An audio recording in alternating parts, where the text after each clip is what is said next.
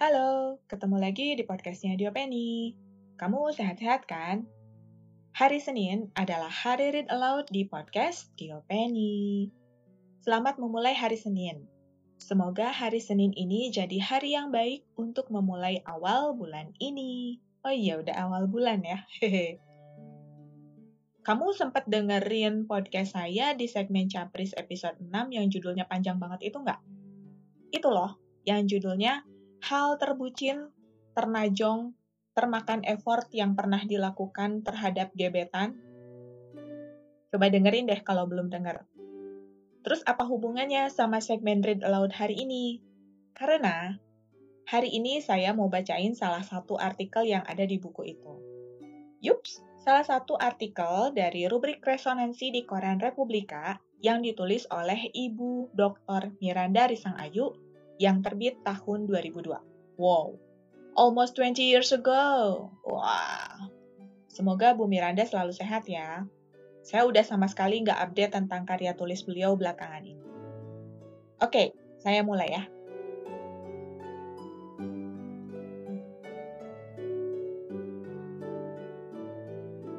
Suatu hari, seorang anak perempuan yang sedang beranjak besar ingin protes kepada ibunya. Ia sering melihat ibunya berurai air mata ketika bapaknya bersikap terlalu keras kepada perempuan itu. Ketika bapaknya berlaku keras kepadanya dan saudara-saudaranya, ibunya juga hanya menangis saja. Ia ingat, ketika masih berusia empat tahun, dan tidak ada orang yang cukup besar untuk melindungi hatinya dari kenakalan saudara-saudaranya yang lebih besar, perempuan itu bisa membuatnya merasa aman tidak dengan membelanya mati-matian, tetapi dengan mengajarkan keadilan dalam melerai konflik. Tetapi, ibunya sendiri tidak pernah membalas ketika disakiti. Kenapa perempuan itu selalu saja hanya diam, berurai air mata, dan mau menjadi objek dari perlakuan tidak adil? Tetapi anak perempuan itu kesulitan merancang kata-kata. Ayahnya juga punya ketegasan yang dikaguminya, dan dalam hal ini ia tidak bisa melawan kekagumannya sendiri. Pertanyaan kepada ibunya jadi disimpannya sendiri saja. Sayangnya itu tidak lama. Suatu saat dilihatnya ibunya berurai air mata sekali lagi, dan ia tahu persis bahwa itu bukan karena ayahnya. Ibu, kenapa menangis? Tanya anak perempuan itu akhirnya untuk pertama kalinya. Ibu sakit hati, jawab ibunya. Gadis itu melihat butir-butir air keluar dari sudut mata perempuan yang amat disayanginya itu. Ibu selalu menangis. Kata-katanya seperti mendakwa, tetapi dengan mata yang juga membasah. Ibunya menyodorkan sepiring nasi berlauk yang ia tahu persis diberikan dengan ikhlas oleh ibunya kepada seorang anak kampung tetangga yang amat miskin sehari sebelumnya. Ternyata, nasi berlauk itu dikembalikan oleh ibu si anak tetangga itu. Sungguh dengan semena-mena, karena setelah si anak makan nasi itu, anak itu lalu dikabarkan kejang-kejang. Tuduhan langsung saja dilayangkan bahwa nasi itulah yang menyebabkan kekejangan si anak. Kemungkinan si nasi dibubuhi guna-guna. Untuk apa? Iya, untuk apa ya? Untuk tumbal menjadi kaya mungkin? Soalnya siapa sih orang di zaman sekarang yang terlalu baik hingga mau sering-sering memberikan nasi dan baju baru kepada para tetangganya tanpa alasan apa-apa? Gadis itu merasa api menghangat di dadanya yang kecil. Mengapa ibu hanya menangis? Protesnya. Ini tidak adil. Tapi di sela-sela air mata, tampak senyum samar di wajah perempuan itu. Senyum itu membuat api semburat tidak lagi di dada, tapi justru di dalam kesadaran gadis itu. Ya, tidak adil. Ibunya adalah seorang muslimah yang sungguh taat. Ibunya berbuat baik karena ia ingin berbagi kebahagiaan dengan orang-orang lain.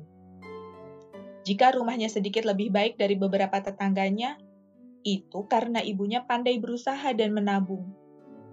Mengapa kebaikan dibalas dengan keburukan? Terima kasih untuk marahmu, sayang, kata ibunya. Itu cukup. Cukup? Rasanya tidak cukup. Demi api yang menghangat secara objektif di dada dan kepala ini, itu tidak cukup. Tetapi ibunya menepuk-nepuk pipi gadis itu. Ibu ingin kaya. Bukan kaya uang, tetapi kaya hati. Dan hati itu aneh ia menjadi kaya semakin ia banyak memberi dan mengerti.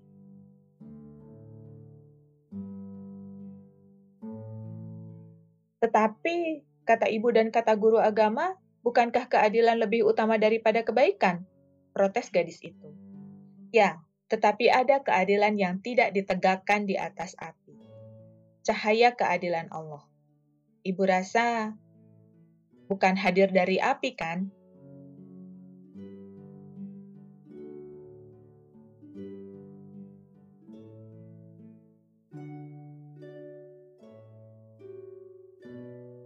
dan titik air mata pun berhenti. Hangat api itu pun mereda. Sesama saudara kadang-kadang memang menjadi cobaan antara yang satu dan yang lainnya. Keadilan akan datang dengan sendirinya ketika kesabaran telah menjadi satu-satunya harta. Demikiankah?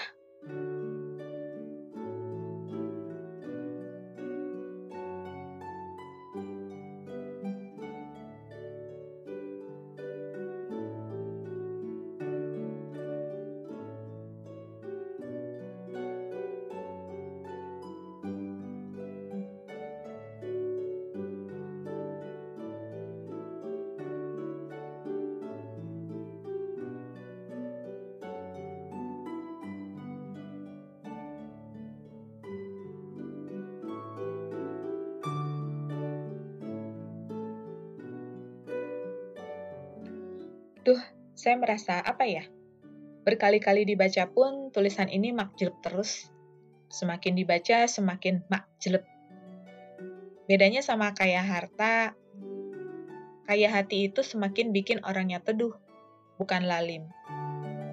Tapi ya untuk mencapainya butuh latihan yang gak mudah.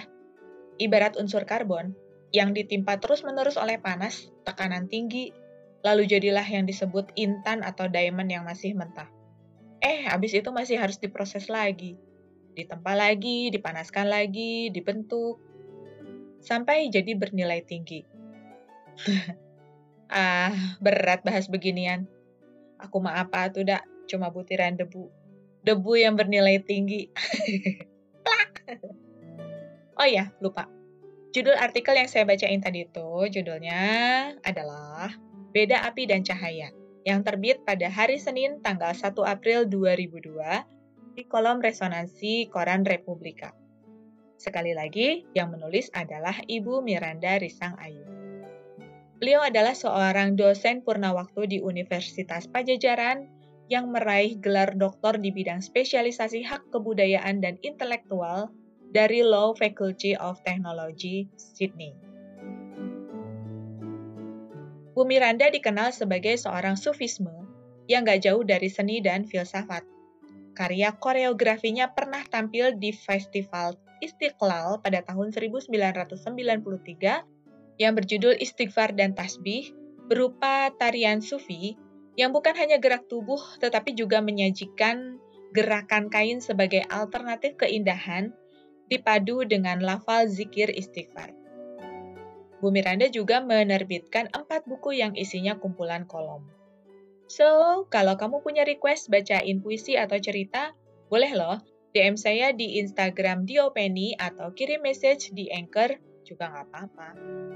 Oke, sekian dulu read aloud saya di part bacain Beda Api dan Cahaya, salah satu judul rubrik resonansi surat kabar Republika yang ditulis Ibu Miranda Risang Ayu, Salah satu kumpulan tulisan kolom yang saya kumpulin jadi satu buku untuk kepentingan personal. Dalam hal ini, perbucinan sama gebetan yang alhamdulillah banget gebetan ini kemudian jadi suami. Semoga kamu berkenan mendengarkannya. Segmen Read Aloud insya Allah akan selalu hadir setiap hari Senin, biar Senin kamu jadi, yay, it's Monday. Senin depan kita ketemu cerita lain ya. Oh iya, kamu juga bisa dengerin podcast saya yang lain di Bandungan aja, yang tayang setiap hari Jumat setiap episodenya. Podcast di Bandungan aja cerita tentang sejarah Bandung, biar wawasan kamu tentang Bandung semakin banyak. Kamu juga bisa follow Instagram saya di dopeni, di .o.penny. Makasih ya udah dengerin. Sampai ketemu lagi. Kamu harus terus sehat, biar bisa dengerin saya read aloud lagi. Jangan lupa, bahagiamu always comes first. Dadah!